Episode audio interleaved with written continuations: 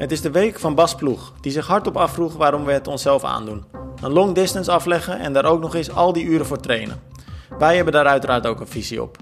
Daarnaast is het de week waarin we, dankzij jullie, geld mogen overmaken naar verschillende wedstrijdorganisaties en een atleet. Maar los van die donaties kijken we terug op een hele gezellige triathlon pubquiz.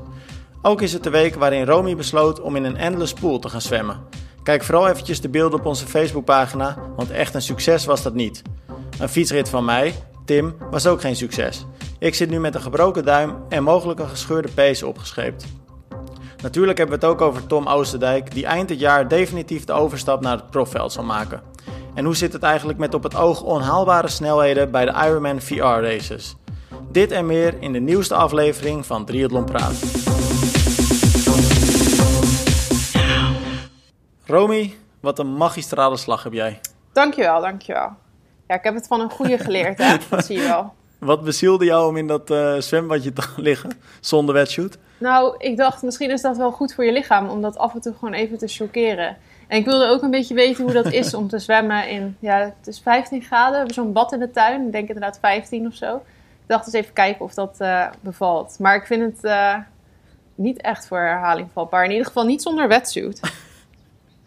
Nou, ik heb het niet droog gehouden tijdens het kijken, want ik moest wel echt, de tranen liepen op een gegeven moment van over mijn wangen. Ja, dit... Alleen al het begin, hoe je dan half huilend in dat water stapt. Maar het duurde nog veel langer dan dat filmpje hoor, want dat filmpje is denk ik uh, 20 seconden. Ik heb daar wel vijf minuten of zo op ik staan huilen en dat hele ritueel, weet je wel, een centimetertje meer en dan komt het op een gegeven moment bij je buik en dat is echt verschrikkelijk, dat koude water. Oh.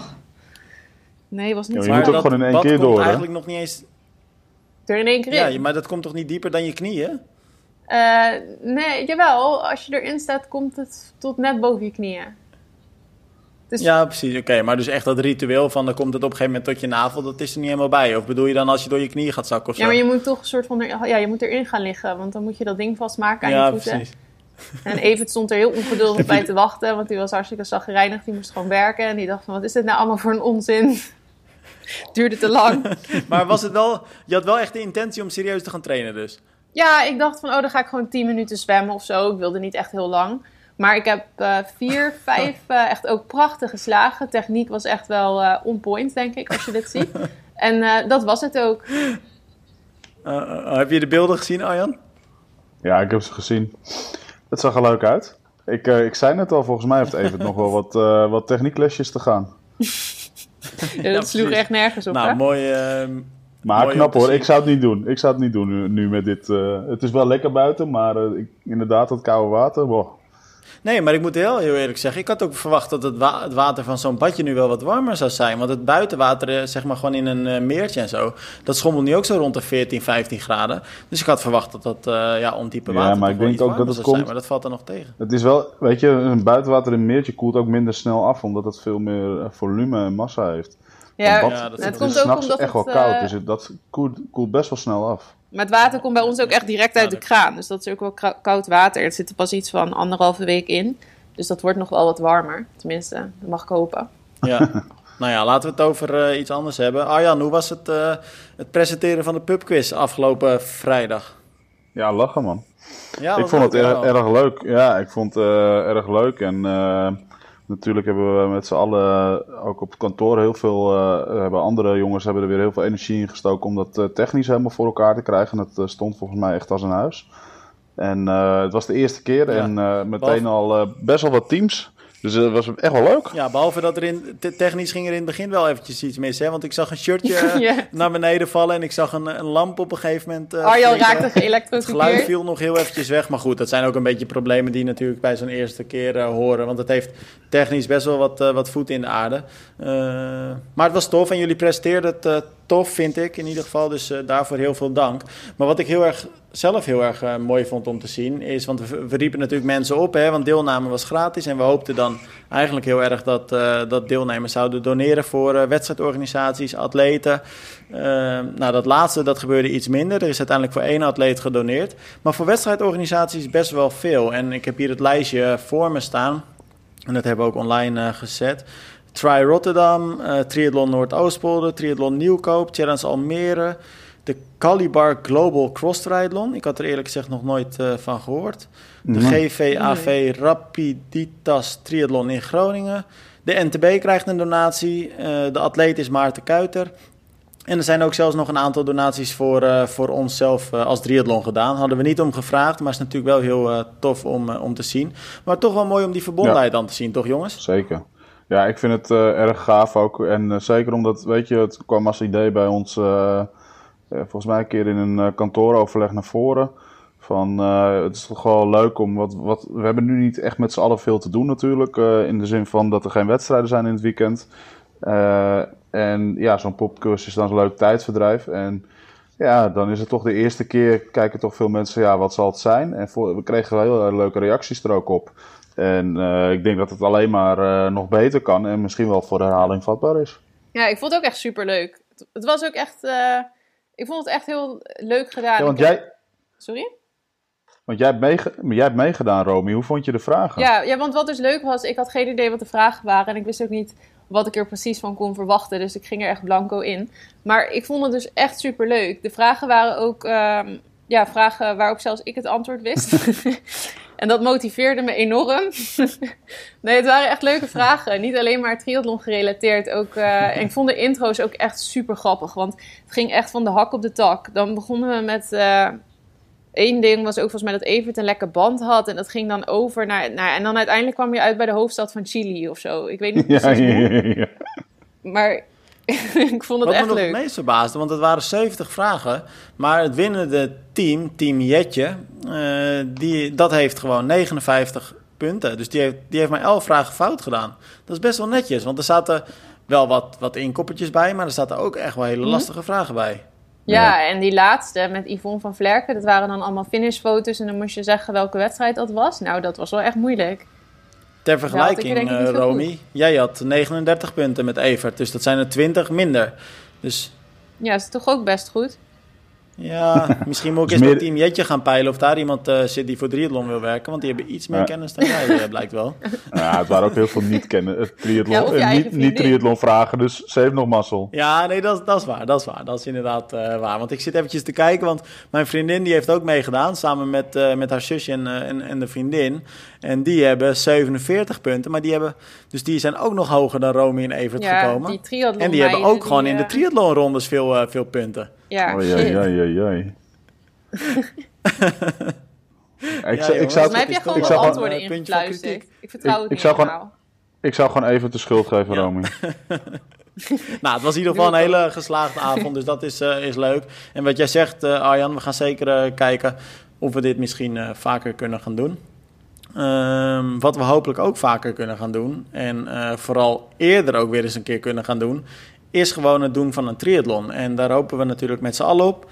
En um, het bruggetje wat ik sla is misschien een aparte. Um, maar dan ga ik namelijk naar het artikel van, uh, of over Bas Ploeg. Een triatleet die afgelopen jaar aan de start stond van een long distance. Challenge Almere Amsterdam om precies te zijn. En hij heeft daar een heel uh, mooi blog over geschreven. Uh, waarin hij zichzelf eigenlijk de vraag stelt, en die stelt hij ook aan anderen: waarom doen we ons dit zelf aan? Waarom doen we het onszelf aan om een long distance uh, te gaan volbrengen en dan ook nog eens al die uren, al die afstanden daarvoor te trainen? Romy, jij, uh, jij bent daar ingedoken, jij hebt het ook geschreven voor onze website. En hij kwam nogal tot verschillende antwoorden. Ja. ja, eigenlijk heeft hij het een beetje opgedeeld in vijf antwoorden. Maar ook die antwoorden waren weer een beetje opgedeeld in meerdere antwoorden. Dus het, het zijn heel veel antwoorden op één vraag. Maar ja, wel echt leuke verklaringen waarom we dat dan eigenlijk doen. En ik moet zeggen, als je dan nu in deze tijd dat het uh, allemaal ja, met dat gezeur en dat er geen wedstrijden zijn en dat kan toch een beetje demotiveren. Maar als je dan dit leest en je ziet uh, zijn ideeën waarom triathlon, ja, waarom we dat dan eigenlijk doen, dan, dan krijg je ook weer dat gevoel van, oh ja, inderdaad, dat is ook allemaal gewoon heel mooi meegenomen. En dat zijn ook heel veel dingen die je al ja, meepakt, ervaart, zonder dat je eigenlijk überhaupt een wedstrijd doet. Wat hij bijvoorbeeld noemt is dat je leert omgaan met verandering. Dus dat je constant, uh, nou ja, bijvoorbeeld als je in een wedstrijdje voeding verliest of zo. Uh, ja, dan moet je je daar maar weer op aanpassen. Of hij heeft het over dat je, nou ja, een blessure. Dus eigenlijk leer je ja, aanpassingsvermogen. Hij heeft het ook over de kracht van je gedachten. Dus je wordt er mentaal natuurlijk ook wel gewoon een stuk sterker van. Perfectionistisch, want alles moet natuurlijk tot in de puntjes wordt uitgedacht door triatleten. Dus dat dat kan je natuurlijk ook nog wel uh, helpen in andere dingen van je leven. Misschien op je werk bijvoorbeeld. En uh, ja, hij zegt eigenlijk ja, ook... dat is volgens mij ook een beetje zijn eindconclusie. Hè? Want eigenlijk doe ik het uiteindelijk onder de streep. Gewoon omdat ik het idee heb dat ik er een persoon van word die beter is dan dat ik was. Ja, ja. Ik, ik verbeter mezelf eigenlijk. Ja, maar ik vond het wel heel mooi om dit te lezen in de zin van uh, de stukken die hij zegt. Hè, uh, hoe het artikel ook is ingedeeld, die kopjes. En zeker van het 2 tot en met uh, 5, zeg maar. Dus het omgaan met verandering. Het, de kracht van je gedachten oefenen in perfectioneren en je blijft leren. Dat zijn eigenlijk, kan je dat overal op toepassen. Hè? Dus het is niet eens zozeer, dit is nu heel erg op ja. triathlon gefocust. Maar het, het, is eigenlijk ook, je kan het op je werk toepassen. Je kan het op andere dingen die je toe toepassen. En ik vind dat wel heel. Het zijn eigenlijk vier hele belangrijke levenslessen bijna die hij daar, daar ja. uh, neerschrijft. Maar daar zit wat mij betreft dan ook uh, zowel het mooie van zijn verhaal in, als ook eigenlijk een beetje tegenstrijdig. Want ik heb niet per definitie heel erg het idee dat dit nou specifiek aan triathlon uh, kan worden toegeschreven. Ik heb het idee dat je dit met heel veel meer uh, kunt leren en ook met heel veel andere sporten. Ik weet niet, wat vinden ja, jullie nee, daarvan? ik denk triathlon is wel, en dan, hij heeft het dus eigenlijk ook vooral over de lange afstand, is natuurlijk zo extreem mm -hmm. dat, um, dat je mentaliteit speelt een nog grotere rol dan bij um, een 10 kilometer loop of zo. Of, um, ja. Ja, dat... ik, ik, ik, ik, las dat en ik weet het niet. Ik, ik, ik ben het daar niet helemaal mee eens. Ik heb één keer een lange afstand gedaan en ontiegelijk veel korte afstanden gedaan. Maar ook daarin is, als er iets tegen zit, moet je juist ook heel snel op een korte afstand, Olympische afstand bijvoorbeeld, een zekere steewedstrijd, als daar iets, een wissel gaat net verkeerd, moet je heel snel kunnen schakelen en heel snel omgaan met die verandering van, oh shit, bij wijze van spreken, je komt met de eerste groep uit het water en je verprust je wissel, waardoor je net de aansluiting uh, mist met de kopgroep. Mm -hmm. Dan moet je meteen eigenlijk met die verandering omgaan. Dus het, is niet zozeer met, zo, althans vind ik dan, met de lange afstand alleen. Ik denk dat het overal wel van toepassing is. En dat, daar begrijp ik Tim wel in. Het is niet zozeer heel. Hij, hij, kijk, de antwoorden die hij daarop geeft, ja, dat is specifiek op die lange afstand triathlon. Maar in wezen kan je die vier kopjes of vijf kopjes, kan je uh, bij elke wedstrijd neerleggen, of bij elke sport neerleggen, of bij elk uh, project bij wijze van spreken gewoon neerleggen.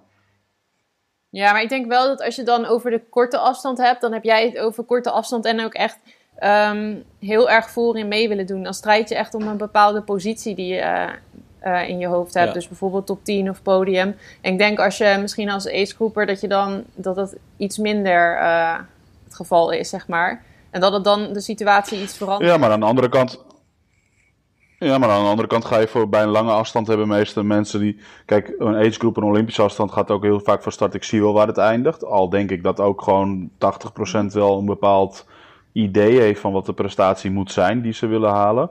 En met een lange afstand is dat denk ik nog veel meer. Dan gaat iemand van start en die heeft echt zoiets, ik wil 10, 11, 12, 13 of 14 uur halen bij wijze van spreken.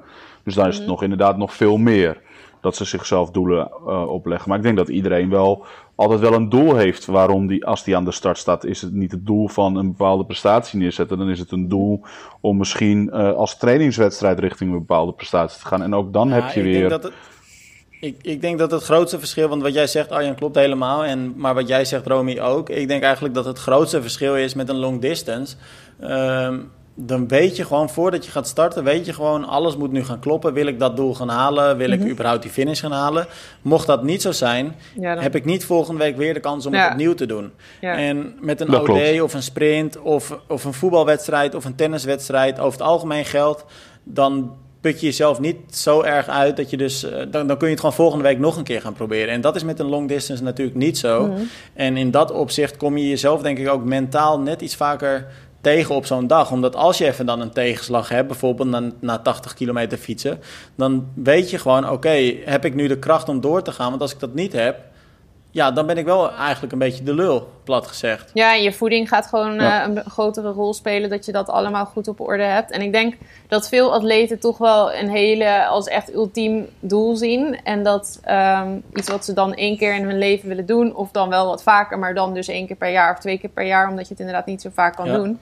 En dat ze een kwart of een sprint dan toch iets meer zien als een soort van tussenstapjes op weg naar dat grotere doel. Dat verschilt natuurlijk wel voor, ja. per atleet. Maar ik denk de atleten die de lange afstand doen, als je dat eenmaal doet, dan wordt dat ieder jaar wel, die paar wedstrijden die je dan op de lange afstanden doet, worden dan denk ik wel je hoofddoelen.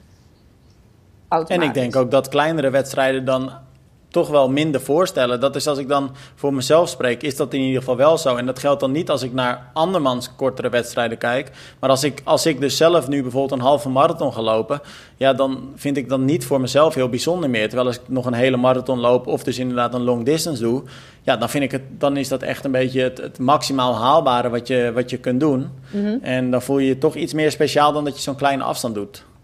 Ja, als je daar eenmaal. En ik denk dat dat voor heel veel atleten ook geldt. Ja, dat denk ik ook. Dus daarom denk ik dat het wel meer van toepassing is op triathlon dan veel andere sporten.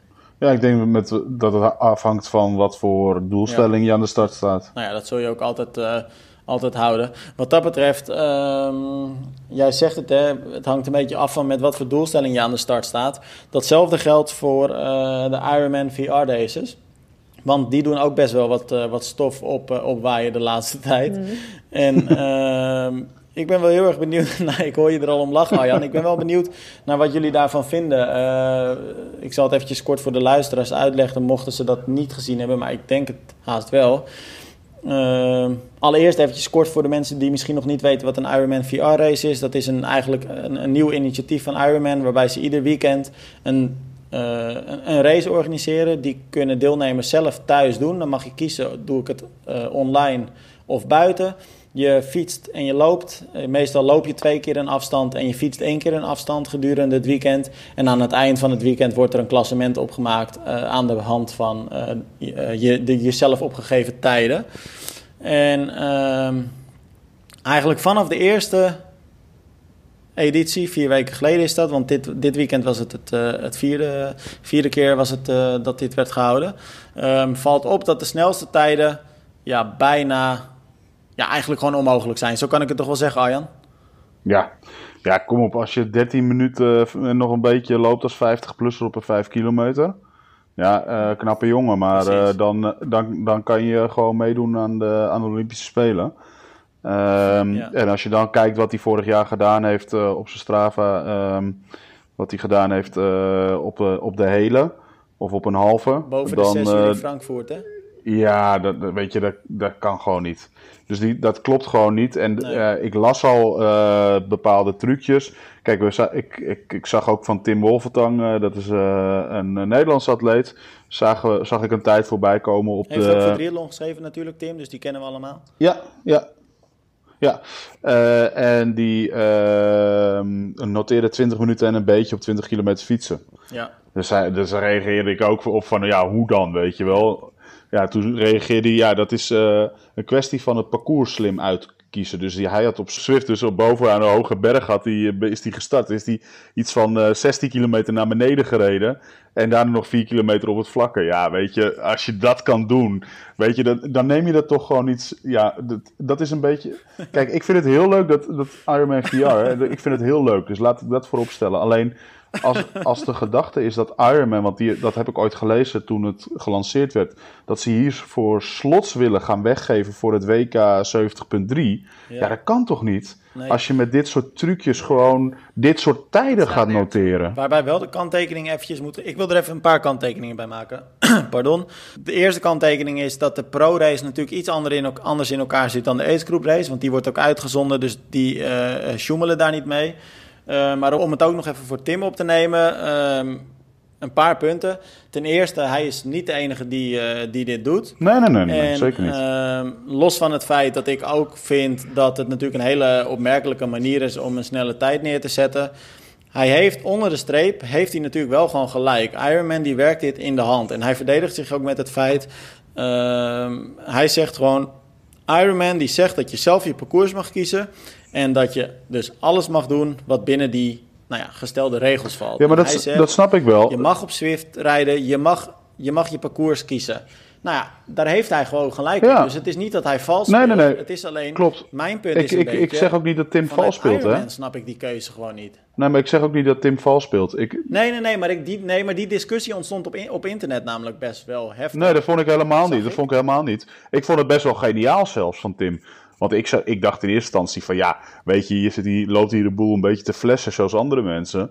Heel eerlijk, want hoe ga, ga je anders 20 minuten, 20 kilometer rijden? Uh, en toen hij dat zei, toen dacht ik, ja, weet je, je hebt binnen de regels, je, ben, je, je hebt je gewoon gelijk. Dus ja, je bent gek als je het niet doet. Alleen, maar die regels zijn toch super ja, maar wat ik bullshit vind, is die 13 minuten op 50 kilometer, of, of 5 kilometer van een 50-plusser.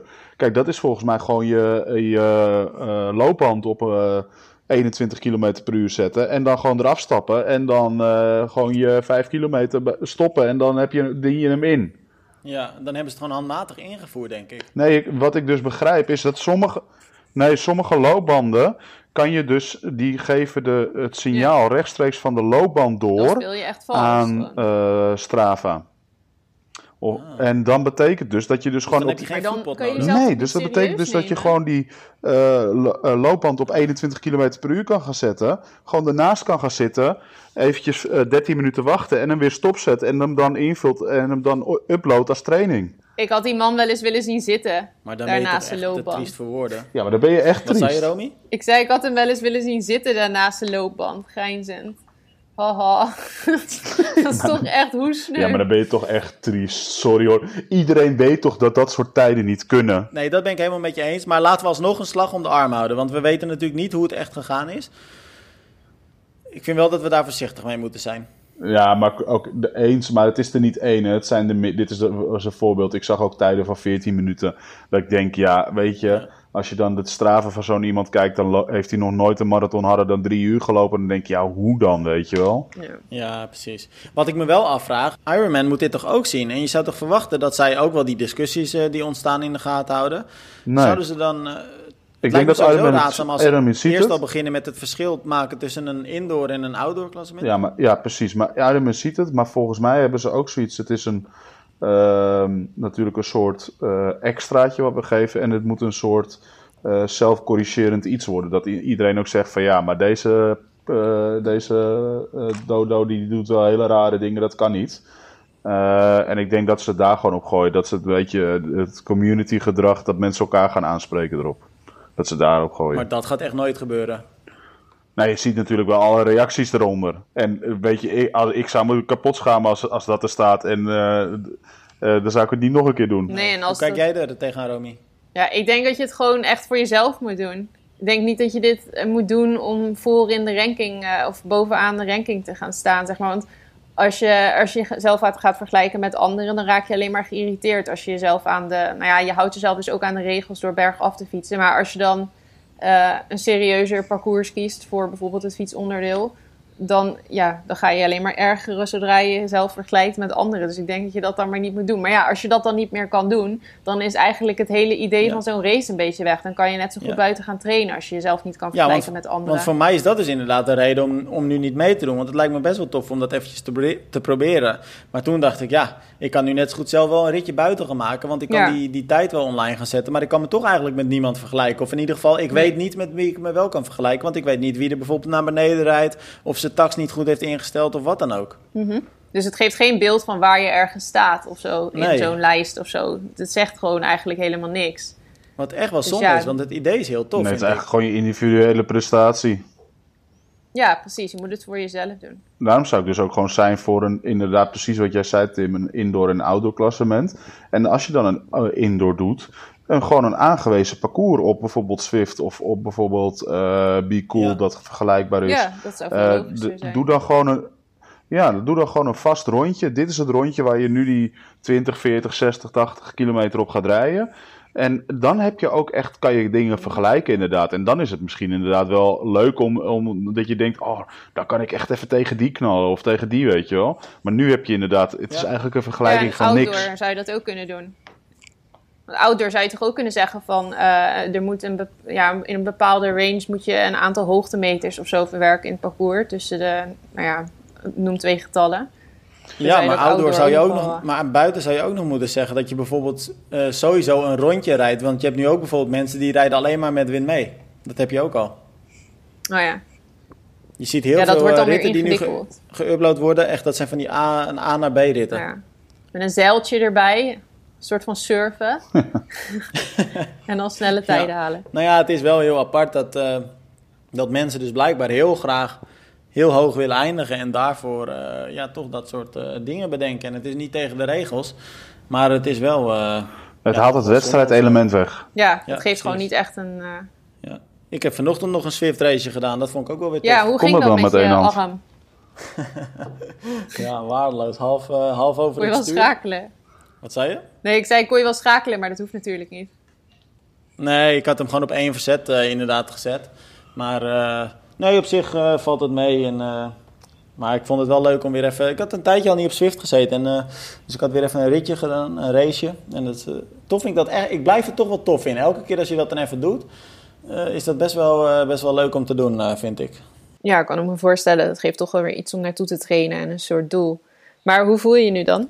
Ja, ik moet heel eerlijk zeggen, ik, want ik zit nu naar mijn hand te kijken, hij is aardig blauw. Ja, uh. vind je gek? Ja, ik, je stuurde een foto vanochtend. Het lijkt net alsof dat de juffrouw boos was geworden, zei ik al. En dat, hij, uh, dat Tim zijn hand op tafel moest leggen en dat hij met de liniaal is geslagen. Ja, ik, was, ik, was, ik, was vooral heel erg boos, uh, of bang voor de, de, eventuele boosheid van Arjan toen ik hem moest vertellen dat ik mijn duim had gebroken. Ja, daar was ik al bang voor. Eerste waar ik aan dacht. Ja, ja, ja, weet je Tim, ik heb je gewaarschuwd. Arjan, ben je boos op me of valt het mee? Nee, ik ben niet boos, maar ik heb je gewaarschuwd. ik zal je wel eventjes kort... Ja, wat wil je zeggen, Arjan? Nee, weet je, uh, ik weet hoe het gebeurd is en jij zegt ik zal het kort uitleggen. Maar en dan denk ik, ja, het is gewoon echt een stom ongelukje. Alleen weet je, dat was wel waar we het over hadden gehad een paar podcasts geleden. Um, die stomme ongelukjes zitten in een klein hoekje en gelukkig is het bij jou uh, wat dat betreft redelijk goed afgelopen. Ja, nee, want ik reed inderdaad samen met, uh, met Jort op de dijk en uh, ik reed een paar meter achter Jort. En uh, kwamen, kwamen twee tourfietsers, twee oudere tourfietsers. En, het was een vrouw van 69, geloof ik. Die reed lekker van de omgeving te genieten en daarbij keek ze ja, lekker om zich heen. Daarbij niet in de gaten hebbend dat zij volledig op onze fietshelft, fietskant reed van de weg. En ehm, Jort roept nog van pas op, pas op. En wijkt zelf uit. En die vrouw die, die kijkt eigenlijk op het laatste moment pas op. En ik kon geen kant meer op. Dus we klapten frontaal op elkaar.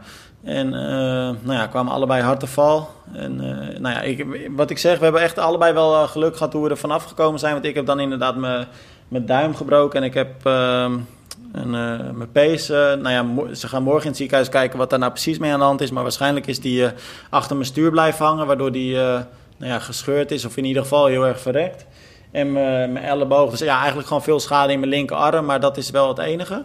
En die vrouw die, die heeft een rib gebroken en die had wat last van de rug, geloof ik.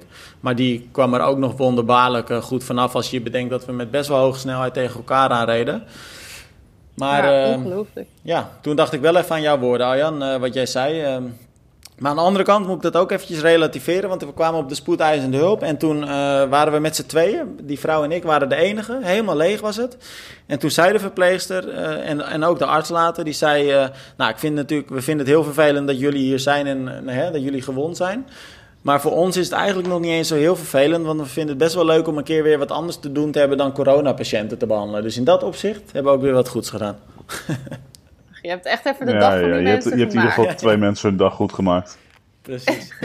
Ach, maar die arme vrouw die moet ook echt geschrokken zijn, zeg. Dat ja, je dan, die vrouw, die was, die vrouw was wel heel erg geschrokken en die, uh, die was op, die werd echt afgevoerd met de ambulance. En um, ik ben zelf uiteindelijk gewoon naar de spoedeisende hulp gereden. Maar ik kwam haar dus daar weer tegen. En um, toen vroeg ik uh, of ik eventjes met haar mocht praten. En dat, uh, dat was oké. Okay. En toen ze me zag, toen, uh, toen schoot ze in de tranen. En toen, ja, toen, toen moest ze echt huilen. En toen bood ze de excuus aan. En toen zei ze, ja, het spijt me zo. Ik, ik ben helemaal fout. En, maar ik heb het gewoon niet gezien. Dus toen heb ik ook tegen die mevrouw gezegd... ja joh, ik, ik begrijp heel erg dat u, dat u geschrokken bent. Maar u hoeft zich echt niet te verontschuldigen. Want ik begrijp ook wel dat u dat niet expres doet. Maar goed, dus dat was verder ook allemaal, allemaal prima. Maar ze was inderdaad heel erg geschrokken en ze voelde zich dus ook echt wel, wel schuldig. Maar ja, mijn fiets is totaal los, denk ik. Ik ga morgen schaderapport op laten maken. Maar uh, ik zag allerlei barsten in mijn carbon al. Dus uh, ja, die is wel, wel afgeschreven. Maar nou, ik ben al lang blij dat we, dat we allebei redelijk oké okay zijn. Precies. Ik vraag me af of je er een trauma aan overhoudt. Dat je nou straks als je dan gaat fietsen, dat je misschien niet meer uh, naar beneden durft te kijken. Dat je in je aeropositie, zeg maar. Uh, want ik kan me voorstellen dat je dat een keer gebeurd is, dat je dat dan toch eng gaat vinden om, ja, dat je om niet vooruit te kijken de hele tijd. Ja, maar iedere fietser valt wel een, wel, wel een keer of waarschijnlijk een paar keer. En op zich zet je dat wel... Tenminste, Arjan, ik neem aan dat jij ook wel een paar keer gevallen bent. Of in ieder geval één keer. Ja, ja, ja. Weet je, ik heb uh, toen als... Iedereen maakt dat mee. Denk ik als 13, 14, 13 14-jarig jochie mijn sleutelbeen gebroken. Ook zo'n echt zo'n wielrennersbreuk. Ja, je maakt het mee en het, het beste is om gewoon meteen weer op te stappen. En uh, zodra het kan natuurlijk, hè. En uh, gewoon over je angst heen te gaan. Uh, en ja, je, je kijkt even. Je zal in het begin wat meer naar voren blijven kijken. Ja, zo simpel is het. Maar ja, dan, dat, uh, op een gegeven moment is dat weer weg. En trouwens, Romy, dicht bij jou is het toch ook. want Evert is, wat ik me herinner, een paar jaar geleden ook echt snoeihard onderuit gegaan in de afdaling. En Diederik nog onlangs voor Challenge mm Almere, toch? Die zijn allebei wel echt heel hard gevallen ook. Ja, ja, maar het is een beetje anders. Uh, nu wil ik je ook geen trauma aanpraten. Maar als je, wat jij hebt gehad, zeg maar, dat komt zo uit het niks. Als je uit de bocht vliegt of als er zoiets, dan heb je nog een soort van zelf in de hand. Maar jij hebt echt gewoon even een paar seconden naar beneden gekeken en je keek op en je had in één keer een vrouw van 69 in je gezicht, zeg maar. Als je dat dan een keertje hebt gehad, dan kan ik me voorstellen dat je de volgende keer als je naar beneden kijkt wel even denkt van, oh shit, er zal toch niet weer in één keer iemand... Ja, uh, maar ja, daarom zeggen ze ook dat je eigenlijk gewoon niet naar beneden moet kijken. Hè? Dat is ook gewoon eigenlijk mijn eigen fout wat dat betreft. Ja, maar dan ben je wel aero. ja. Ja, maar het gebeurt altijd wel eens een keer wat. En ja, je kan er niks aan doen. En nu is het dit. En voor hetzelfde geld had je wel naar voren gekeken. En, want ik hoorde van Jort ook dat hij maar net haar kon ontwijken. En ook al had je naar voren gekeken, had je er misschien ook niet kunnen ontwijken, Tim. Weet je, dus het ja. is... Ja, koffiedik kijken. Nee, want het was voor mij ook sowieso meer dat ik achter Jort zat. En hij ging natuurlijk aan de kant. Dus ik, ik kon ook geen kant meer op. En uh, dus dat niet eens uiteindelijk zo heel veel mee te maken dat, dat ik even naar beneden had gekeken. Want hm. op het moment uh, keek ik gewoon naar voren en ik zag haar, maar ik, ik kon niks meer. Nee. Hm. Dus uh, nou ja, het hoort erbij. Het is vervelend dat het gebeurd is. Ik hoop dat ik snel weer, weer uit het gips ben. En anders... Ah, je zit in ieder geval alweer op de tax. Wat zei je, Romy? Ik zei, je zit in ieder geval alweer op de tax. Precies, daarom. Dus ik ben alweer lekker soepel en nou, dat komt uiteindelijk uh, allemaal wel goed. Met wie het ook goed gaat komen, denk ik, is uh, Tom Oosterdijk. Want die heeft ook een, uh, een mooie stap achter, achter de rug. Alhoewel, eigenlijk verandert er nu niet zo heel veel voor hem. Maar hij maakte deze week bekend dat hij eind dit jaar de overstap definitief gaat maken naar het profveld Romy. En jij hebt hem gesproken. Mm. Ja, het zat er natuurlijk al even aan te komen, want hij heeft het er al wel vaker over gehad dat hij uiteindelijk als pro wou gaan racen. Volgens mij had hij het er eerst over dat hij als agegroeper terug wilde naar Hawaii om iets goed te maken vorig jaar. Omdat hij het jaar daarvoor um, ja, uit de wedstrijd moest stappen vlak voor de finish. Um, maar dat had hij nu gedaan. Eigenlijk vorig jaar heeft hij dat al goed gemaakt. Maar hij wilde nog een jaartje langer mee als agegroeper. Dus dit jaar heeft hij nu gezegd uh, na Hawaii, als, ja, als Hawaii plaatsvindt, dan uh, maakt hij echt de overstap. Maar ik heb hem even gebeld en ja, voor hem klinkt het denk was het niet echt een verrassing of zo. Voor ons eigenlijk natuurlijk ook niet. Dus hij was heel nuchter en hij zei ja, het is gewoon een hele logische volgende stap op dit moment voor mij. Hij noemde het zelf. Maar hij noemde het wel een droom die uitkomt, hè? Ja, zeker. Ja, hij vindt het wel echt een droom die uitkomt. Maar hij zei het wel mooi. Hij zei: Ik ben nu eigenlijk een beetje de big fish in the small pot. Zo van: Ik heb weer ruimte nodig om te groeien ook gewoon. En ik denk dat het zijn uh, races wel heel erg zal veranderen als hij straks tussen de pro's race. Want nu uh, is het toch wel wat eenzaam racen voor hem. En heel veel mensen inhalen op de fiets. En ja, als aidsgroeper is dat toch anders racen, denk ik, dan uh, als je met zwemmen als pro goed meekomt. Dan kan je wel goed samenwerken ook, denk ik. Ja, al vrees ik wel dat zeker in het begin uh, Tom in het profveld ook nog wel wat eenzame races uh, tegemoet zal gaan. Want ja, maar toch zijn er altijd wel wat pro's die ook uh, met zwemmen wat meer naar achter zitten. Dus ik denk dat daar ook wel, als je een goede wedstrijd hebt waar een beetje een breed profveld is, ja. dat er altijd ook wel wat is. Ja, het is wel een hele gave, gave stap die hij zet, maar het zal wel echt aanpoten gaan worden hoor. En dat erkent hij, mm -hmm. erkent hij zelf ja. ook en hij zegt ik heb echt nog wel die, die stappen te zetten. Uh, ja, ik vind het altijd toch wel spannend om dan te zien straks hoe, uh, hoe dit soort uh, gasten nou ja, zich gaat ontwikkelen uh, in zo'n in zo'n veld. Want wat jij zegt, die dynamiek van zijn wedstrijd gaat ook gewoon helemaal veranderen dan. Nou, hij krijgt natuurlijk heel veel meer tegenstand gewoon in de wedstrijden. En zijn wedstrijden worden heel anders, denk ik inderdaad. Precies wat jullie zeggen allebei. Um, hij gaat daar heel veel stappen moeten maken. En ja, dat kan heel positief worden. Hij is natuurlijk nog relatief jong gewoon. Um, maar ook nog heel jong in zijn triathlonsportcarrière, in zijn triathloncarrière. Hij doet pas een paar jaar echt, echt serieus een triathlon, of dan serieus een sport zelfs. Ehm, dus ja, wat dat betreft zijn er, hij maakt nog elk jaar stappen. En ik denk dat hij nog lang niet aan zijn, aan zijn top zit. Alleen, ja, het is wel een stap die hij nu maakt hoor, richting, richting prof. Want Ehm, dat zal wel betekenen dat, uh, dat hij de aankomende jaren niet naar Hawaii gaat, verwacht ik zomaar. Als prof in ieder geval. Want uh, daar zijn denk ik nog wel wat stapjes te maken voor die, die, voordat hij op dat niveau zit in ieder geval. Maar ik denk dat het wel goed voor hem is. Ik heb hem vorig jaar een keer gesproken toen ik aan het speakeren was in Enschede. En uh, wat dat betreft heeft hij wel helemaal in gedachten zitten hoe hij zijn carrière ziet en wat hij wil bereiken en waar hij naartoe wilt. En ja, wat dat betreft is dit wel een logische vervolgstap wat hij, eh, wat hij nu gaat zetten eind dit jaar. Ja, ik denk dat hij ehm, samen met Els uh, eigenlijk een van de twee atleten is die uh, zich op dit moment het snelste ontwikkelt binnen de sport. Mm -hmm. Ja, ook best wel namen allebei die vanuit het niets kwamen een paar jaar geleden en die uh, Precies. super grote En ook een beetje dezelfde periode. Ja, ja, grappig is dat. Dat is best wel gek dat je dat zo af en toe hebt van die namen die dan ineens ja, verschijnen en het dan ook gewoon super goed gaan doen. Dan eh, mensen die echt ineens hun uh, talent blijkbaar hebben ontdekt. Daar is triathlon natuurlijk ook wel de ultieme sport voor, hè? Ja. Ja, is dat zo? Dat idee heb ik wel. Ik heb wel het idee dat je als maar ook wel hard. Ik denk sowieso duursport in het algemeen. Maar duursporten zijn natuurlijk sporten waar je in het algemeen heel veel aan hebt als je er gewoon een aanleg voor hebt. En die aanleg kun je ook dus mhm. een aantal jaar uh, onverborgen hebben zonder dat mensen zich daar eigenlijk bewust van zijn. En dat kan dus nog best wel heel goed uitkomen in, nou ja, terwijl je bijvoorbeeld 20, 25 bent. En als je dan die eerste stappen gaat maken richting die sport, kan het dus heel snel gaan. En ik heb het idee dat dat. Dus ja, dat kan heel snel gaan. Precies. Dat kan heel snel gaan. Alleen wat ik wel zie, is zeker ook met triathlon. Eh, wat je wel ziet bij dat soort uh, sporters die la relatief laat zeg maar, triathlon gaan doen, is dat altijd het zwemonderdeel een hekel punt blijft. En zeker bij, bij nou, ja, korte afstanden is dat heel belangrijk. Maar ook steeds meer bij de lange afstanden kan je de wedstrijd op het zwemmen niet winnen, maar je kan hem wel verliezen.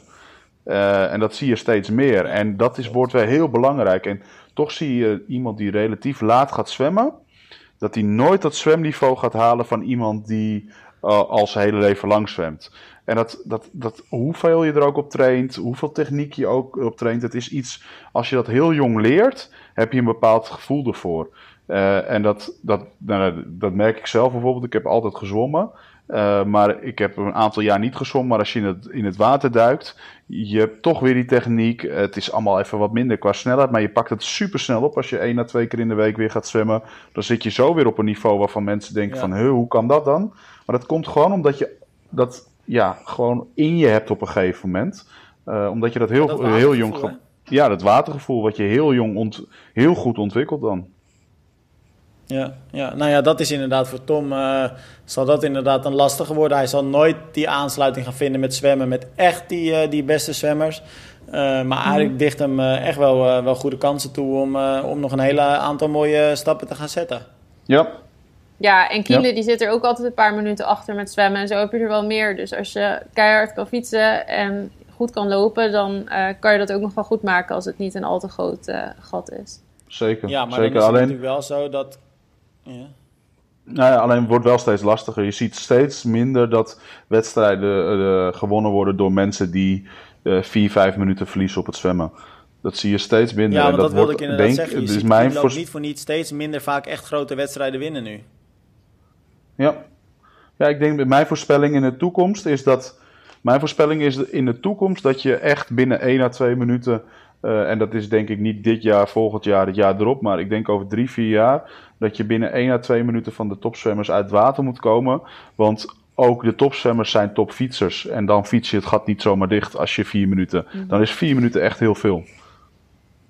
Ja, aan de andere kant, Arjan, wat Romy net zegt is wel een hele terecht. Hè? Kijk naar gasten als uh, Wurf, echt die powerbikers. Uh, dat zijn dan nog mannen die dan op een gegeven moment toch ineens wel weer een potje kunnen breken. met, hun, met hun zo bizar sterke fiets. Maar dat zijn wel weer... Dat, maar dat zijn wel weer de exceptionele talenten dan weer op de fiets. Hè? Ja. Dat zijn er ook maar twee of drie of vier die dat kunnen. Dat zijn er ook niet uh, twintig of dertig. En zo heb je er ook eh, met het lopen twee of drie die een marathon van 2,40 kunnen neerzetten. Of 2,30 hoog. Uh, dat zijn ook niet heel veel. Dus het, mm. het zijn allemaal die exceptionele. En ja, er zullen er ongetwijfeld zo'n Wurf en zo'n Kienler... die gaan echt nog wel grote wedstrijden winnen. Maar het wordt steeds moeilijker voor ze. Dat, dat denk ik wel. Ja, Toevallig had ik het uh, vandaag uh, met een vriend van mij over, uh, over de tijd van Gerrit Schellens. Die dan gewoon in Almere nog sub 240 liep. En daar altijd de wedstrijd mee naar zich toe trok. Dat was wel genieten hoor, als ik hem over die dijk zag scheuren. Ja.